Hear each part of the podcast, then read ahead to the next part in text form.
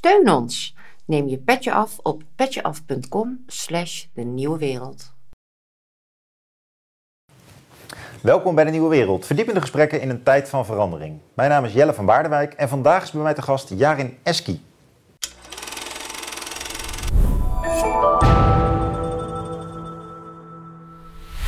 Jarin, Hallo. bestuurskundige en criminoloog. Ja. Een beetje een vrijdenker wel, met bijzondere boeken. Ik heb vaak wel in het Engels geschreven, maar, eh, dus eh, het Nederlandse publiek kent je daarmee wat minder. Maar eh, er is recent weer een eh, boek van jouw hand. Deze week of vorige week? Ik zag Vorige week. Ja. Ja. En, ehm, en, en ehm, eh, je bent wel iemand van de, van de grote greep, hè? Van, die nadenkt over criminologie en de menselijke soort in dat boek. Mhm.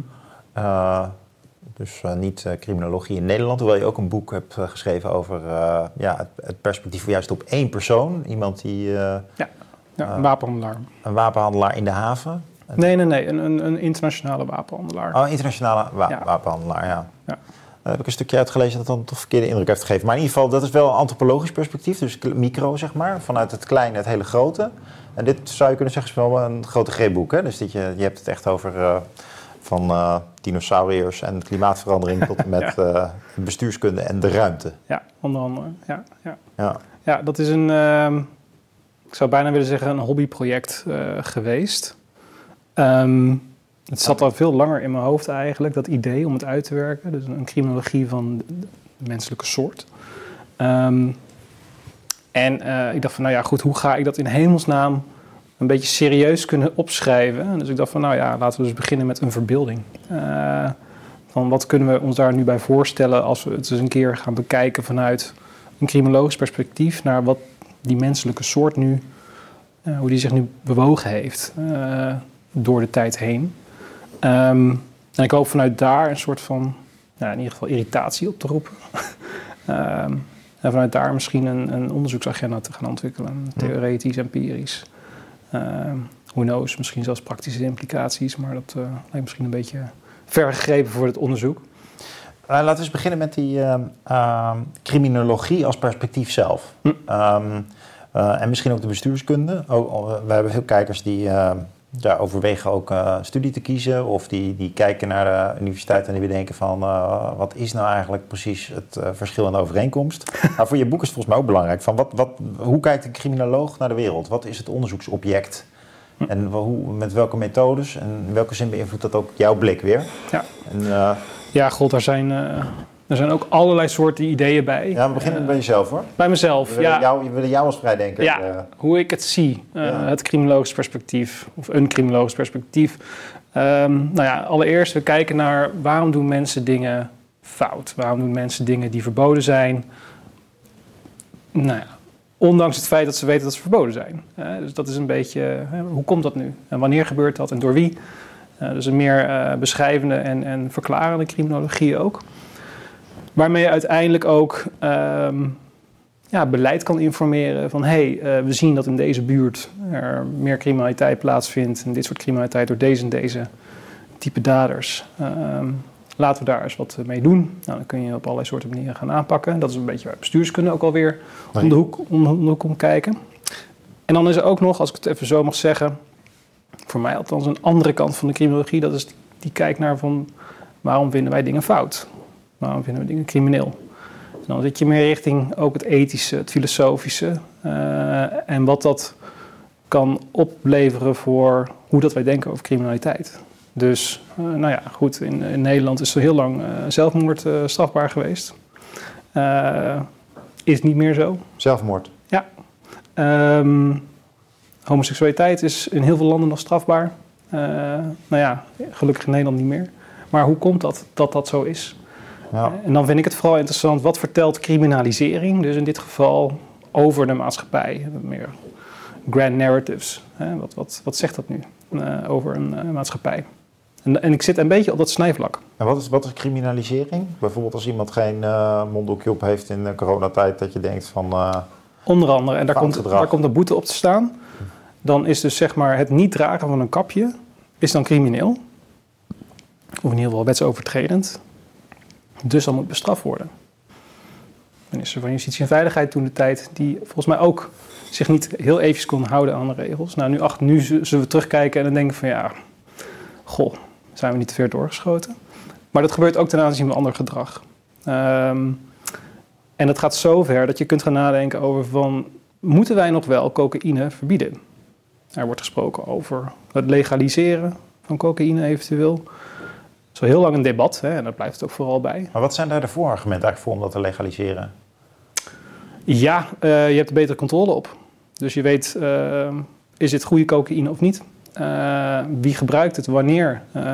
verslaving zou toenemen, maar tegelijkertijd zou je er ook accijns over kunnen heffen, waardoor je misschien die verslaving weer zou kunnen, nou ja, ieder geval die verslavingszorg kunnen helpen. Zeg maar. dus, dus er zijn overigens echt heel veel argumenten voor en heel veel argumenten tegen. En, en ik denk dat het uh, te ver gaat om het hier allemaal even op een rijtje te zetten. Um, nou, maar, maar is... we proberen even een uh, inblik te krijgen in de criminologische manier van kijken naar de wereld. Hm. Dus uh, het gaat niet om een uitputtende discussie, maar een voorbeeld bij die manier van kijken. Um... Nou, normalisering. Um, een paar weken terug las ik nog ergens, een paar maanden inmiddels alweer uh, dat Brabantse kroeghouders, uh, ja, die zien de cocaïne op de dansvloer gesnoven worden.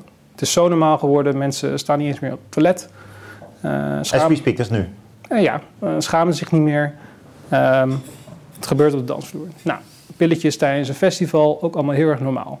Nou, je kan ze zelfs laten keuren, heb ik begrepen. Nou, hier moet je nagaan. En er wordt ook gesproken over smart drugs. Ja, ecstasy, het is minder schadelijk dan, schade, schadelijk dan alcohol. Hm, moeten we daar niet iets mee? Maar het is vooralsnog gecriminaliseerd. Of crimineel. Het is verboden en daar, ja. Ja, dus het is gecriminaliseerd. En vanuit het criminaliseringsperspectief kun je op die manier naar heel veel andere soorten gedragingen kijken. En waarom is dat wel gecriminaliseerd en dat niet? Hm. Ehm, hetzelfde gaat, voor, gaat op voor securitisering, dus verveiliging van zaken. We moeten het veiliger maken ehm, tegen, tegen corona veiliger maken tegen migratie. Je moet het veiliger maken tegen dit, tegen zus, tegen zo. Ehm, dat, ook, dat, dat heeft eenzelfde soort mechanisme. nou, en ik zit een beetje vooral aan die kant. Wie criminaliseert er dan? Dat is echt niet alleen de overheid, dat doen wij ook.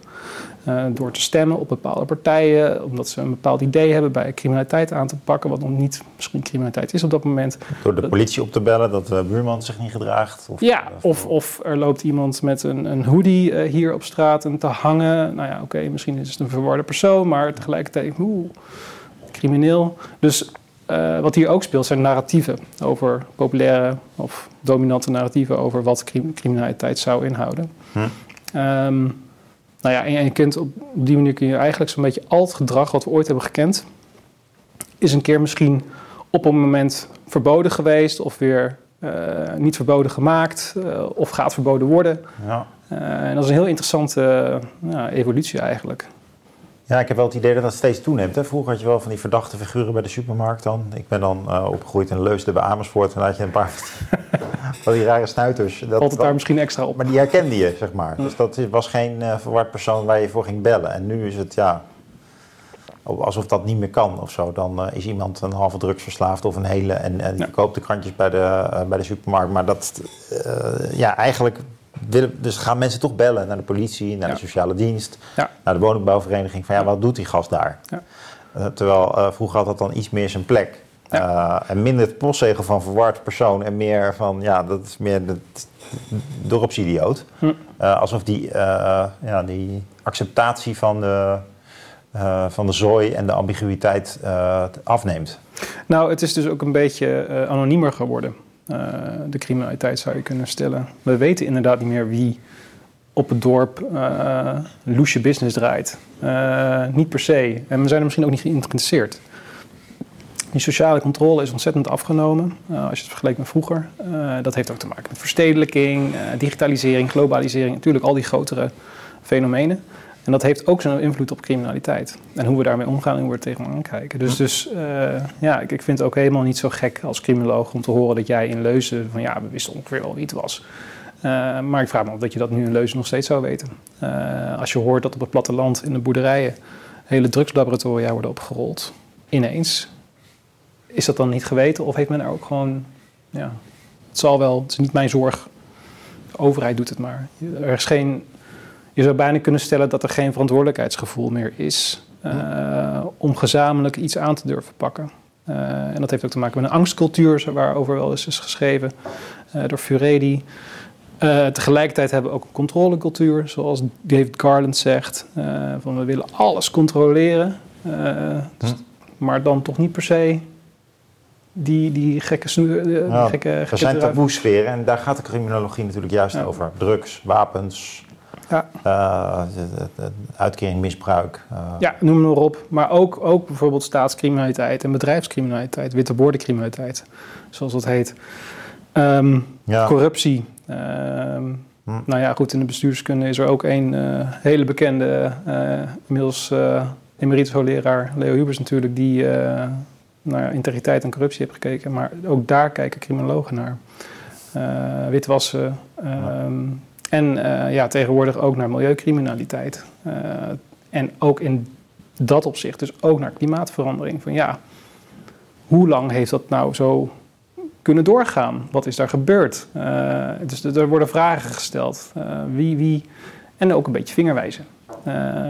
terwijl als je zo'n kritisch perspectief er niet op nahoudt, ja, dan zou criminaliteit alleen maar datgene zijn wat in de wet staat. Genocide bestaat ook pas sinds als juridisch concept net na, in de jaren 50, dat Lemkin het, uh, of nee, in de jaren 40 wierp je het op, de, de term. vervolgens werd het wel vastgelegd als een, een... Wel logisch dat het na de holocaust pas was. Ja, nou, maar daarvoor zijn ook al heel veel genocides ja. geweest. Ja, um, dus, dat dus, was natuurlijk wel de wake-up call van uh, de mensheid, denk ik. Ja, ja. Ook in de aandacht die het gekregen heeft. Ja. Maar zo zijn die dingen, die, die woorden en die benaderingen, die, die zijn ook historisch. Zeker. En ja. Uh, kunnen misschien ook historisch doorschieten. Dus, uh, kan ik ook. Ik denk, denk, dat we net al een beetje beschreven van dat criminaliseren nu ook juist op een soort uh, wat tegenspraak verdient. Ja, soms wel. Misschien voorheen juist. Nou, in het geval van drugs, van harddrugsgebruik is misschien te weinig tegenspraak. Ehm, ik vraag me dat af. Ik, politiek gezien ben ik er trouwens voor, voor legalisering. Van harddrugs? Ja, maar dan wel, en dit is een beetje waar ik dan weer misschien een beetje anders denk. Tegelijkertijd, dus ieder land, overal. Ja, maar dat is... Ten opzichte van elke drugs. Ja, ik weet wat je niet gaat zeggen, want dat, dat ga ik altijd, krijg ik altijd horen. Ja, maar dat is onmogelijk. En dat ik... ja. ja, dat gaat niet zomaar van dag op dag uh, gebeuren. Um, maar Kofi Annan, nou niet, niet uh, de meest onbekende, die had het ook al in 2008, 2007 of 2008, een tijdje geleden inmiddels in, in ieder geval, al over, we moeten misschien van die war on drugs af. We moeten misschien gaan nadenken over legaliseren. Ja. Dus uh, de Amsterdamse burgemeester, um, die heeft dat vorig jaar ook een beetje, nou ik ga niet zeggen zo beweerd, maar wel, die zat er ook een beetje te suggereren van, goh ja, zou dat kunnen? Uh, in hoeverre? Um, tegelijkertijd hebben we ook, nou ja, burgemeesters in Rotterdam en in Antwerpen die keihard die drugscriminaliteit willen aanpakken, helemaal niet voor legalisering zijn. Nou, en dat is dan. je hebt dus die, al die diversiteit van meningen in Nederland. Ik vind wel, dit is ook in je boek, daar gaan we zo langzaam heen. Maar als je het hebt over criminologie en criminologisch perspectief op de menselijke soort, dan sla je, wat mij betreft, uh, allemaal bestuurslagen over. Dus uh, het, is, dit, en het is niet voor niks dat iemand als Benjamin Barber wijst op de. Uh, de hanteerbaarheid van de wereld vanuit het perspectief van de burgemeester. Mm -hmm. Maar ik zou zelf ook zeggen dat bijvoorbeeld het nationale perspectief heel erg belangrijk is. Je ziet dat veel bestuurskundigen die doen net alsof die politieke eenheid van de natiestaat er niet toe doet. En die verwijzen dan graag naar ja, moet Europees beleid komen. Maar ja, dat, we leven niet in Europa, we leven in Nederland. En we hebben een aantal samenwerkingen met Europa, met Europese landen. Maar je ziet alleen al het budget van Europa. Dat, uh, ja, dat moet wel heel erg opgeplust worden, wil je dingen gaan regelen. Er is ook Mm. heel veel weerstand tegen. Dus daarom ben ik zelf altijd wel voor een gelaagde opvatting van bestuurskunde. Waarbij je echt probeert te denken vanuit uh, gemeentes, steden, provincies. Uh, uh, zelfs uh, misschien nog veiligheidsregio's. een natiestaat. Hoe, hoe kijk jij daarnaar? Wat, wat, wat, is dan, denk je dan niet van, ja, inderdaad, zo bijvoorbeeld dat harddrugsbeleid, zouden we niet gewoon moeten gaan experimenteren op stadsniveau? Of is het gewoon dat waterbedeffect zo groot dat dat niet kan? Goh, um, nou ja, ik, ik vraag me ook af dat vraag ik me echt af hoor. Dan moet ik nog eens goed empirisch gaan onderzoeken. Maar ik vraag me af of dat het te maken heeft met een waterbedeffect of dat er niet gewoon vermeerdering is. Uh, dus er wordt gezegd van ja, hier drukken we nu harder, dus daar komt het dan meer op. Terwijl ja. hier ook nog net zoveel binnen uh, komt. Uh, dus als je de kookboerderijen in Brabant eruit duwt, dan steken ze in Limburg de kop op. Dat is het idee erachter. maar je kook, denkt dat dat wel meevalt? Kook komt over het algemeen binnen, dus dat wordt niet echt in Nederland gefabriceerd. Uh, Maar ik denk dat het allemaal meevalt met, dat, met die verplaatsing. Ik denk dat het gewoon simpelweg een vermeerdering is. Uh, maar dat is een aanname en ik zou dat graag eens een keer willen gaan uh, ja, ja, willen toetsen of dat ook zo is. Maar over het algemeen geloof jij, of kun je je gedachten delen over dat, uh, dat je bepaalde... ik vind het bijvoorbeeld ook bij de stikstofaanpak, hè, daar valt me ook op van, we hebben in Nederland één aanpak. Dat ik eigenlijk heel raar. Je zou ook kunnen zeggen bijvoorbeeld rondom de Veluwe of de Wadden koop alle boeren uit. Ja, lokaliseren. Ja, lokaliseer het en experimenteer eerst eens vijf jaar wat het nou oplevert voordat je nou dat helemaal... Ja. Dus, dus, zelfs Nederland vind ik al, en jij zegt eigenlijk, nee, maar bij druk zou je heel Europa moeten pakken. En misschien suggereerde je zelfs. Nee, heel de wereld. Ja, dat is wel waar ik het over had. Ja, um, het wordt wel heel moeilijk, want dan moet je met, met China gaan praten over, uh, over uh, ecstasy labs. Bijvoorbeeld, ja. ja, ja. En ik zeg het ook, uh, het, is een, het is een droom ergens bijna. om dat allemaal voor elkaar te kunnen krijgen. Maar waarom zeg ik dat? Als jij in Nederland alleen legaliseert, of misschien zelfs alleen in Amsterdam. Laten we dat eens even als voorbeeld nemen. Ja. Amsterdam legaliseren wij, ja. maar in Rotterdam is het nog steeds illegaal. Ja, dan komen ze snuiven in Amsterdam. Nou ja, dan uh, hoe, hoe, hoe krijg je dan waar het gros van die drugs, cocaïne met name, binnenkomt? Dat, daar zit dan nog een soort van lijn tussen. Zoals met wiet en zo. Uh, die productie is nog steeds niet legaal. Ja. Gebruik wel. Dus er zit een heel erg groot vacuüm dan in dat kleine stukje snelweg en, en treinspoor. Ja. Wie gaan daarop opspringen? Gooien ze de criminaliteit natuurlijk. Ja. Want ze, weten, ze weten, we kunnen het in Amsterdam, Amsterdam kunnen het afgeven. Dus, mijn punt is, zolang je dat doet, op één plek wel, op een andere plek niet. Nou, stel we gaan heel Nederland gaan legaliseren, dan gaan ze in België denken, oh... Ja, het is toch het waterbedeffect dus. Nou ja, ik zou dus zeggen... Je creëert, je creëert een, een, uh, alsnog een, een vacuüm tussen het criminele en het, uh, het legitieme. Ja. Waarin Acteurs, uh, actoren op inspelen. Ja, ja. En zo hou je die groot. Als je dat overal doet, kijk, dan heb je ze pas echt te pakken. Ja. Tot die tijd ja. wordt het lastig om, om maar ik zou toch bestuurskundig in het algemeen, maar misschien ben ik, nee, ik ben niet zo criminologisch onderlegd. Gewoon niet. Ik ken het alleen maar van een paar boeken, dus ik, ik moet ook bescheiden zijn. Maar bij heel veel bestuurlijke dossiers vind ik juist dat uh, one size fits all beleid mm tussen de oplossing in staat, tussen ons en de oplossing in staat. Dus zelfs bij coronabeleid dacht ik van, ja, waarom moet nou iedereen bijvoorbeeld mag, mag niet meer de straat op? Ik, ik, vond het sowieso een belachelijk idee. Maar meedenkend met dat ze via dat soort crowdmanagement probeerden om uh, corona klein te houden, had je toch makkelijk kunnen zeggen dat bepaalde landelijke gebieden gewoon open blijven. Het was helemaal niet redelijk om te zeggen dat Amsterdam dezelfde uh, lockdowns had als, uh, als Zwolle. Dat, dus daarom denk ik wel dat. Ja, je zou verwachten dat het dan. Was disproportioneel. Eén, beleid is vaak disproportioneel. Dus dat je, dan is de, de, de, oplossing voor het probleem ja. vergroot eigenlijk het probleem. Uh, ja. Ook omdat je berekening moet houden met dingen als... Uh, je zou iets meer intelligentie verwachten Onverwachte consequenties en zo. Je zou iets meer intelligentie verwachten daarin, bedoel je? Eigenlijk. Gewoon slimmer nadenken over... Goh, is het wel haalbaar gezien de praktische werkelijkheid uh, in deze omgeving?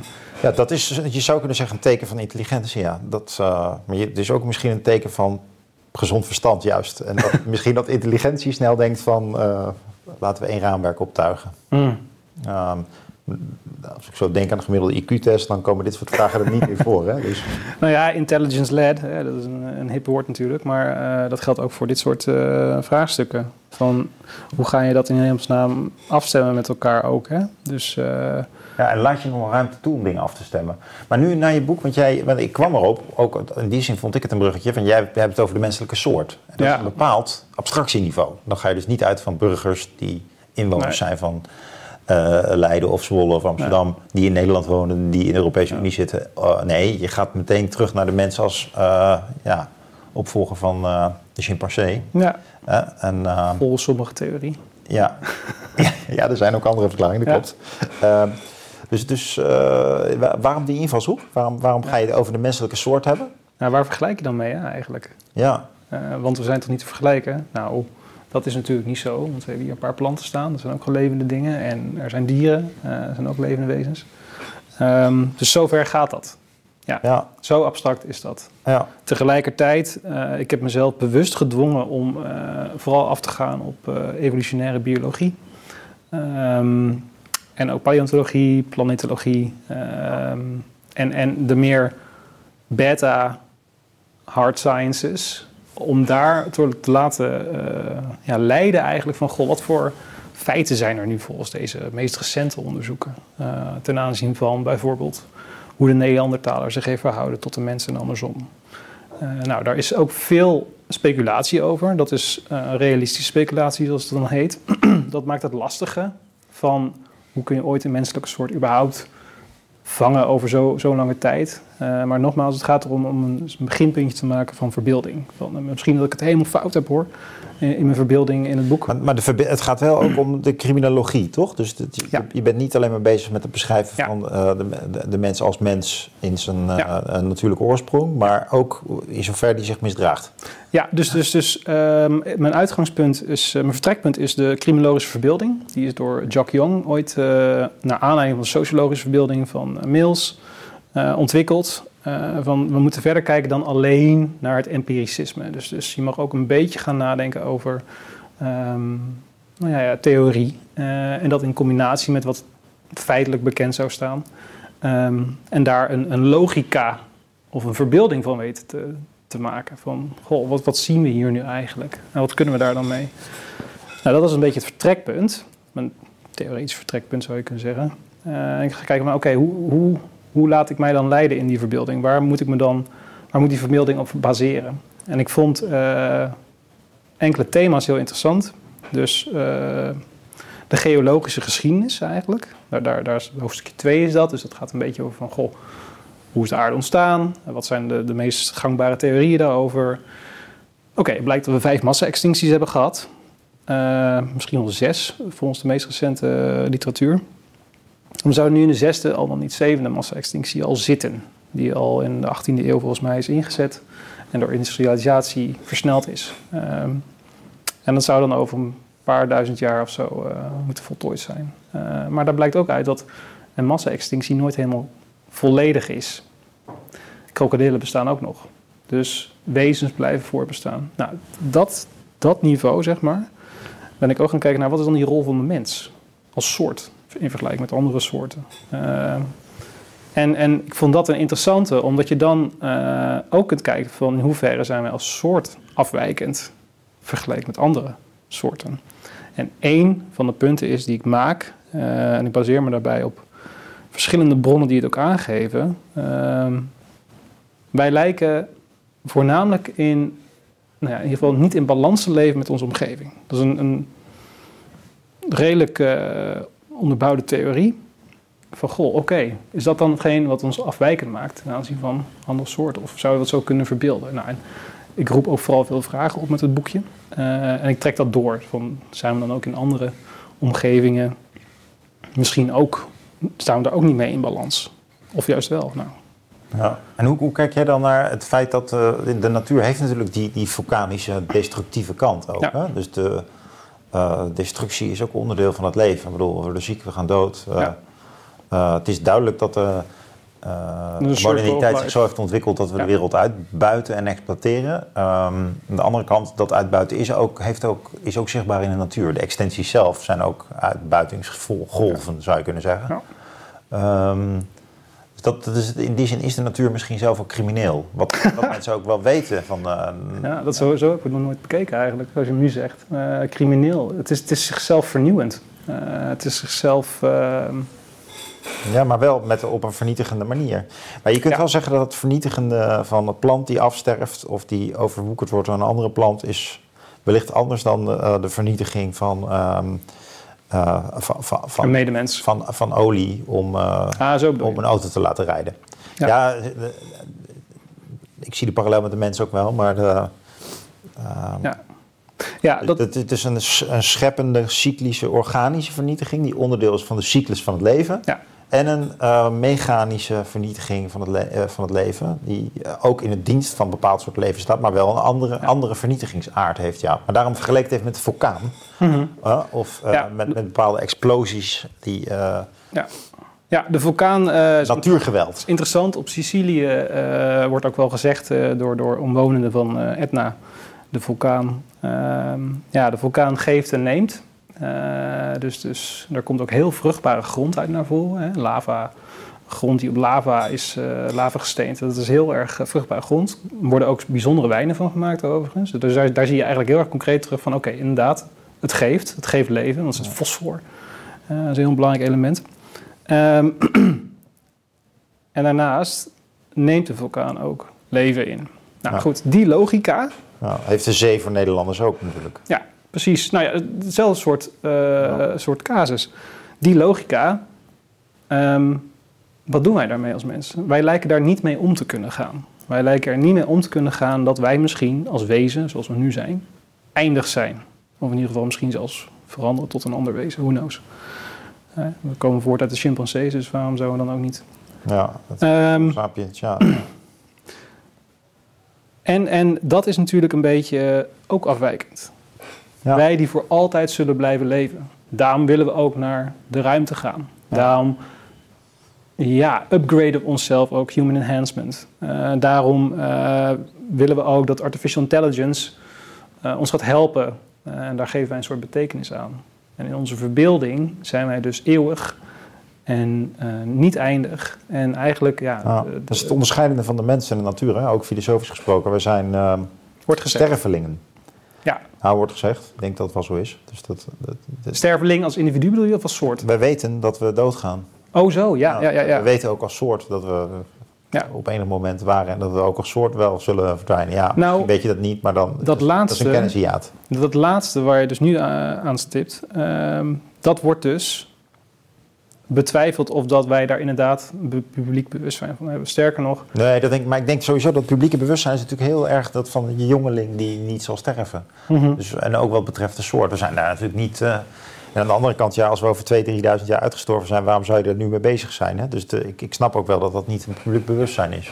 nou ja, Maar dat de sterfelijkheid al vanaf het begin van de filosofie in ieder geval eh, om Ja. aandacht vraagt, dat eh, is ook wel, is ook Ja. wel duidelijk. is een van de living with... grote eh, thema's waar de, waar de schrijvers eh, en de filosofen mee bezig zijn. Hoe moet ik in het reinen komen met mijn eigen sterfelijkheid? Ja. Wat betekent dat over hoe ik nog wil leven?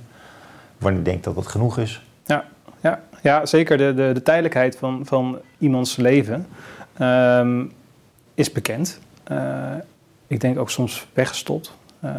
Ja, absoluut. Want, Weggespoten letterlijk. Ja, ja, ja. En, en, en, eh, en er worden steeds meer onderzoeken gedaan naar eh, onsterfelijkheidsonderzoek, zoals het heet, in Ja. mortality research. Ja. Eh, nou, allerlei soorten ethische vraagstukken bij. Maar, Fascinerend. maar, maar wij doen dat. Ja, wij, wij willen dat. En dat, dat vind ik dus zo, ja, zo fascinerend. Ehm, want welke andere soort met eenzelfde soort bewustzijn, want die zijn er. Je hebt bepaalde kraaisoorten, je hebt bepaalde... Goed, nogmaals, ik ging af op biologisch onderzoek. Ja, ja. Eh, en probeer daar dan te verbeelden van ja, en hebben zij dan dezelfde soort ambities om, om dat ook te doen? Dat is natuurlijk een vervolgvraag. Eh, maar in ieder geval, wij doen dat. Wij Ja. willen dat graag, wij willen verlengen, wij willen zus, wij willen zo, Ja. wij willen... Maar het is interessant dat je het zegt, want kijk, eh, eh, ten eerste heb je natuurlijk het antwoord van de mens is de kroon op de schepping. Hè? Dus de, de, de, de mens heeft, een, eh, heeft nu helemaal al, een compleet pakket aan eh, vaardigheden waardoor die dingen kan die de kraai niet kan. Ja.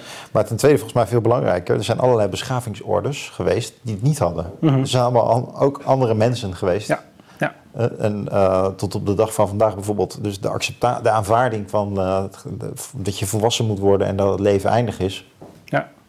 En in je omgeving leven. speelt in meer tribale culturen een enorme, enorme rol. Ja, En dus dat zijn we in die modernisering. Dus het heeft misschien niet met de mens als zodanig te maken, maar met die industriële zelfperceptie ook. Van ja het alles eruit willen halen. eh, maakbaarheid. maakbaarheid Ja. is misschien nog niet eens onderdeel van het mens zijn, maar ook specifiek van ons westerse mens zijn. En trouwens, in het oosten heb je het inmiddels ook. Maar, maar daar is over het algemeen toch wel meer gevoel voor überhaupt het thema eh, dat het leven fases heeft. Dat er misschien meerdere levens zijn. Dat, eh, Ja. dat niet alles uit het leven hoeft te worden gehaald. Althans in de literatuur en de filosofie, maar ook in de. Confucius is ook zo iemand die erover nadenkt.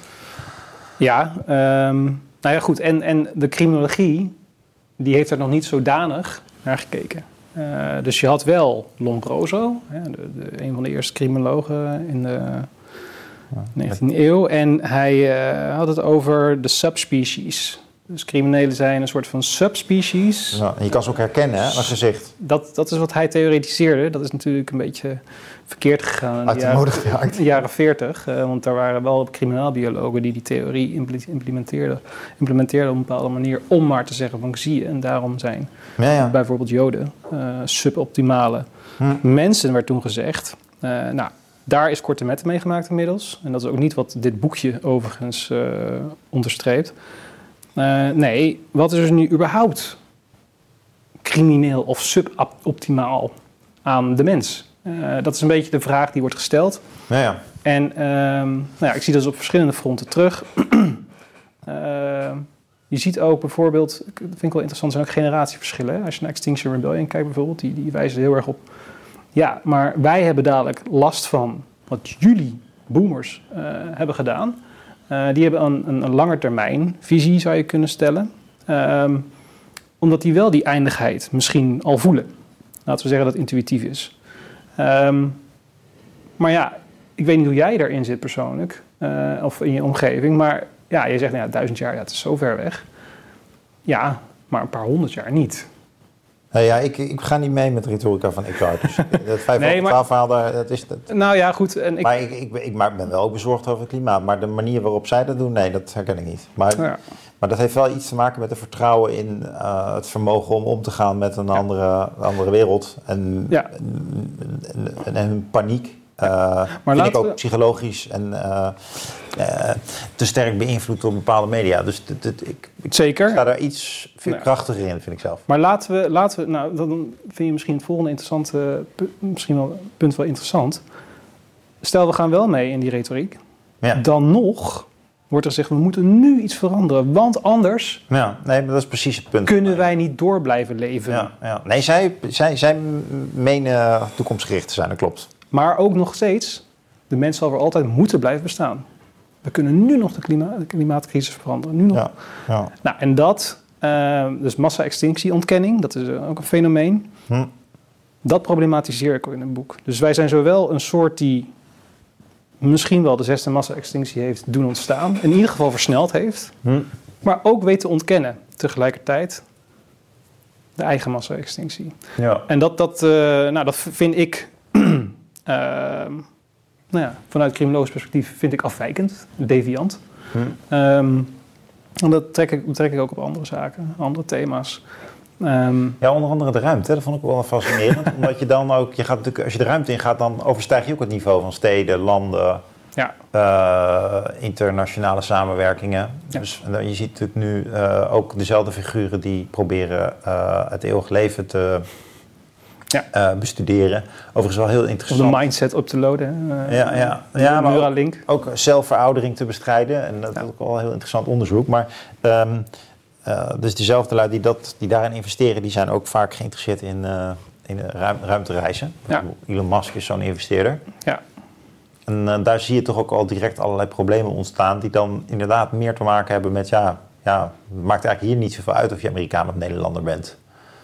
Dus van ruimteafval tot van wie is eigenlijk eh, Ja. een bepaalde ruimtebaan of hoe, hoe gaan Ja. we om met conflicten in de ruimte. Dat, de, de interessant perspectief, gegeven ook de toch hoge verwachtingen die we hebben bij de mogelijkheden Ja. die de ruimte gaat bieden, al beginnend met ruimtetoerisme. For all humankind, hè? dat is het idee. Eh, maar wel gespekt door eh biljonairs. Ja, in die zin is Eh, het natuurlijk ook het is naïef om te denken dat het voor, de, voor, voor all humankind is. Ja. Maar, maar het is jouw perspectief. Dus Ja, ja, nee. nee en, en, van, als perspectief is het verdedigbaar om er zo over na te denken. Maar ik, ik denk inderdaad zelf dat het, om maar een eh, klassiek woord te gebruiken, direct gekoloniseerd wordt door degene die eh, het verkennen. En Ja. geef ze ongelijk. Ja. Dus ik denk dat, eh, ja, nou ja, de, de, je hebt de, al Russische spaceships Ja. en eh, ja. de maan is van niemand zogenaamd, maar het is wel first eh, settler eh, prin- principles eh, die, die heersen. Dus eh, inderdaad, als je als eerste bent, dan ja. toch wel. Eh, maar daar is ook heel erg veel onduidelijkheid over. Ondanks dat er een Outer Space Treaty is. Eh, ik heb nog wel eens gesprekken met eh juristen over... Ja, er bestaat gewoon wetgeving. Ja. En die wetgeving over criminaliteit. Daardoor is er geen criminaliteit meer. Dus ik... ik nee, Er is ook geen politie om het af te dwingen hoor. Dus, nee, Space Police, dat is er, alleen Lego heeft het. Maar in de werkelijkheid Ja. bestaat het nog niet. dus dan is het ook gewoon een wassen neus, Ja. de wetgeving voor... Ja, het niet kan handhaven.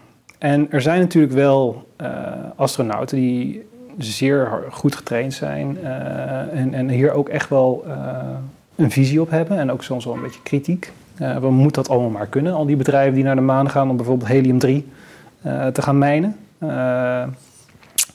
En nu is er de JUICE mission, dus naar een van de manen van Jupiter, volgens mij Europa. Ja, even zo uit, het hoofd. Een, een- ijsmaan in ieder geval waar water onder zou liggen. Dus, nou, daar is misschien ook leven. Eh, maar goed, er wordt misschien ook gedacht over in hoeverre kunnen we bijvoorbeeld eh, asteroïdes of kometen en zeldzame materialen daarvan van mijnen. Dus die mindset is er toch echt wel een van gebruiken, terugbrengen naar de aarde, waarvan inmiddels ook al wordt gezegd, ja, en dan gaan we hier nog verder de klimaat naar de, naar, ja, eh, naar de knoppen helpen eigenlijk. Eh, want onze materialen zijn hierop dus. Ehm, dus er zijn ook veel zorgen dat on- ook die ruimtevaart, ook op aarde, op die manier een slechte invloed heeft. Overigens, als zo'n raket opstijgt, alle flora en fauna in de omgeving wordt letterlijk weggevaagd. Eh, dus ook op aarde hebben wij al nou ja, milieuschade. door- Woestijnen nodig om ze te laten opstijgen, die raketten. Nou ja, dat kan dan ook weer niet zomaar, want eh, je moet al bepaalde voorzieningen hebben natuurlijk. Eh, maar goed, het idee is nou om vooral van de maan op te gaan stijgen naar Mars, want daar is eh ja, Hm. nauwelijks zwaartekracht. Dus dan ben je, Ja, sp- spannende invalshoek. Ik weet dat je ook je toekomstig onderzoek hierop gaat richten. Hè? Dus Ja. spacebestuurskunde, zal ik maar zeggen. Ja. Space criminologie. Maar ook richting de afronding van... Zeg je nou eigenlijk van ja, de mens is in de kern crimineel? Ehm, De, de schaduw van, die de mens werpt is zo groot eigenlijk. nou, zoals ik, zoals ik zei, de criminologie kijkt niet alleen naar crimineel, eh, maar ook naar criminalisering. We zouden kunnen kijken eh, aan de hand van het boek van goh, hoe komt het nu dat wij eh, eeuwenlang, zoals dat wij bestaan hebben, zoveel vernietiging en exploitatie teweeg hebben gebracht als soort? Ik zeg niet dat jij en ik als individu daar verantwoordelijk voor zijn, maar als soort.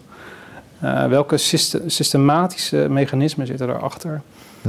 Eh, en ik, nou, moet dat dan weggeven? En waar denk je dan aan? Nou ja, ik, ik problematiseer de verbeelding zelf. Eh, Ja, dat en ik, ik klopt. Daar hebben we het eigenlijk nog te weinig over gehad. De categorie van verbeelding in je boek. Ja. ja. van De mens stelt zich te veel voor. kan zich veel voorstellen. Dat is een van onze grootste vaardigheden, wordt ook al gesteld.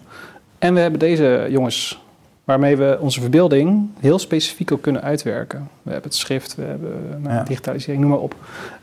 En dat op massaniveau, dat hebben wij voor elkaar weten te krijgen. En dat komt Ja. ook deels omdat we al eens verklaard dat wij een efficiëntiebrein hebben. Hm. Wij hebben een pragmatisch brein. Maar hier Eh. komt dus de mogelijkheid naar binnen van de bestuurskundige die zegt... we gaan de verbeeldingskracht klein houden om te voorkomen dat we... Dat durf ik niet te zeggen. Want dan zou ik misschien nooit op het boekje zijn gekomen. Eh, dat is natuurlijk een heel, heel eh, lastige. Want of gaan we misschien accepteren dat het in onze aard ligt, dat we tendensen hebben. En waar ligt het dan aan? Ik geloof meer in zelfregulering eigenlijk wat dat betreft. Eh, maar misschien ben ik een beetje na- naïef daarin.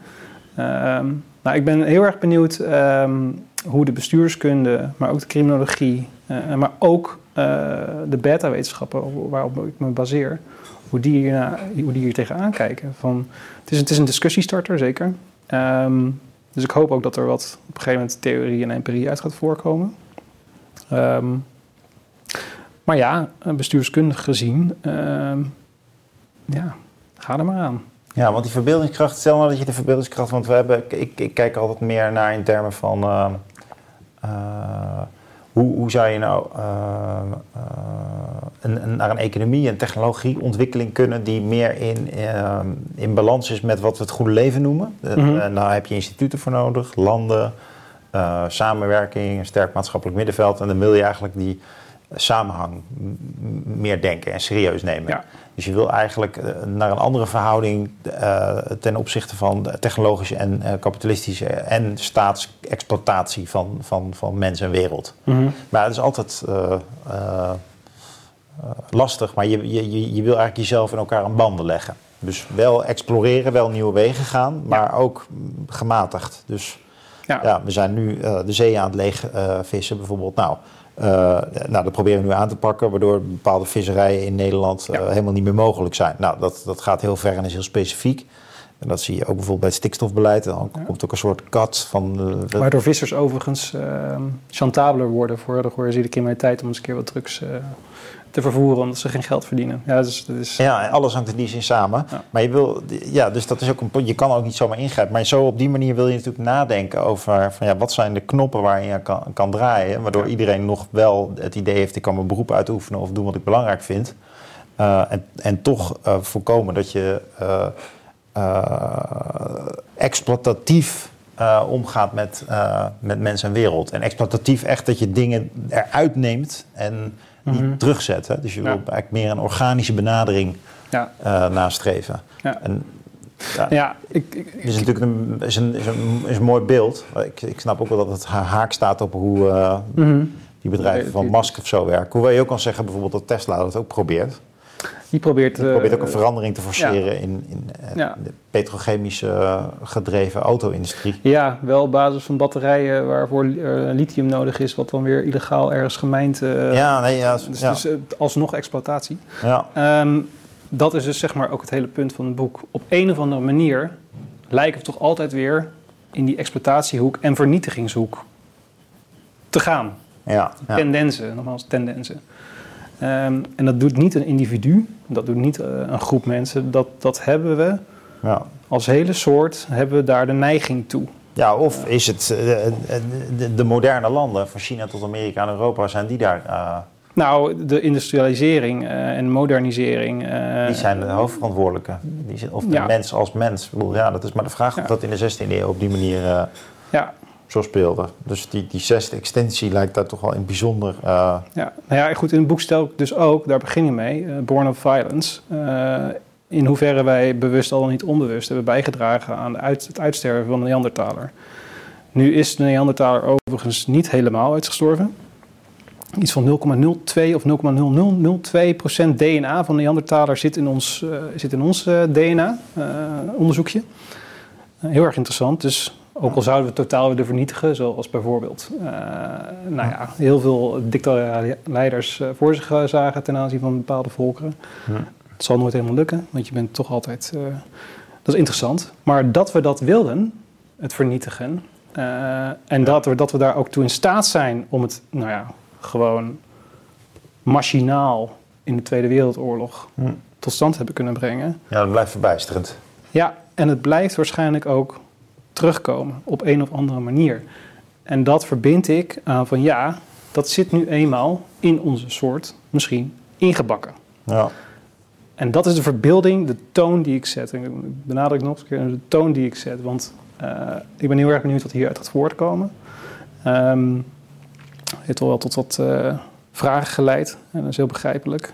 Maar hoe je daar de bestuurskundig nou eh, vervolgens mee op de knoppen gaan eh, zitten drukken en zo, eh, dat is een goede vraag. Nou ja, goed, misschien dat bestuurskunde. Ja, ik weet ook. Ik vind het een stretch hoor. Ik vind namelijk van in welke zin zijn de bestuurskundige vragen.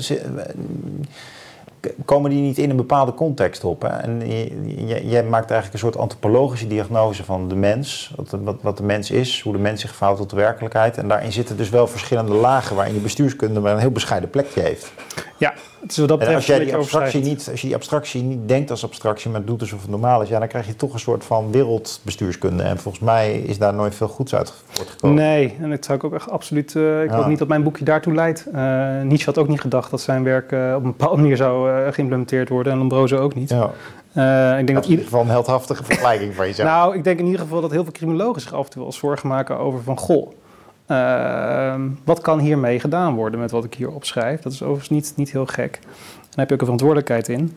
Eh, maar dit is vooral een confrontatie ja. boek. Ehm, en ehm, ja, een, een mondiale bestuurskunde, dat zou ik ook eh, niet willen. Maar we zouden wel kunnen gaan nadenken, nadenken misschien over die koloniale tendensen die we, nou ja, waar we onlangs nog excuses voor hebben gekregen door zowel demissionair minister-president als de koning. ja, maar dat ging... Eh, ja. Gaan we dat dan toch wel weer doen in de ruimte? Ja. Ehm, ja, en dat, dat, dat neigt een beetje naar het punt waarvan ik zeg van ja, het lijkt toch iedere keer wel op een of andere manier weer terug te komen. ja, nou, dat ging natuurlijk om kolonisering van mensen in het verleden. En eh, En land, dat zie je nu vooral eh, in China nog. eh, en goederen en fruit. Turkije, en, eh, eh, ja, ja, ja. Be- bepaalde landen nog gebeuren. En met, nu eh, verleg je dan het begrip naar kolonisering van, eh, De van de natuur, van de ruimte. Ja, Ja, ja. ja nee, dus, dat, is, dat is absoluut een weg waar, die we hebben ingeslagen. Dus het is zaak, zaak om dat nog binnen de perken te houden. Ja.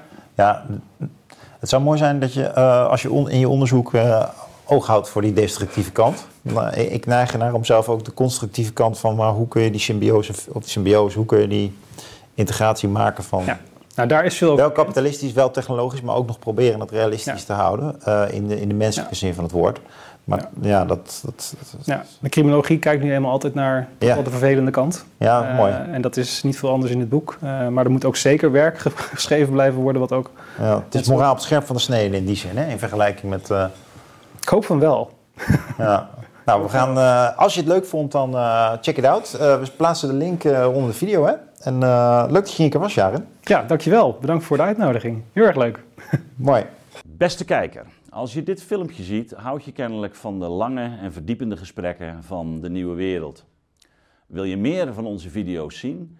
Klik dan op de afbeelding hier links. Of beter nog, abonneer je op ons kanaal. Je kunt ons natuurlijk ook steunen en daar zijn wij zeer op aangewezen.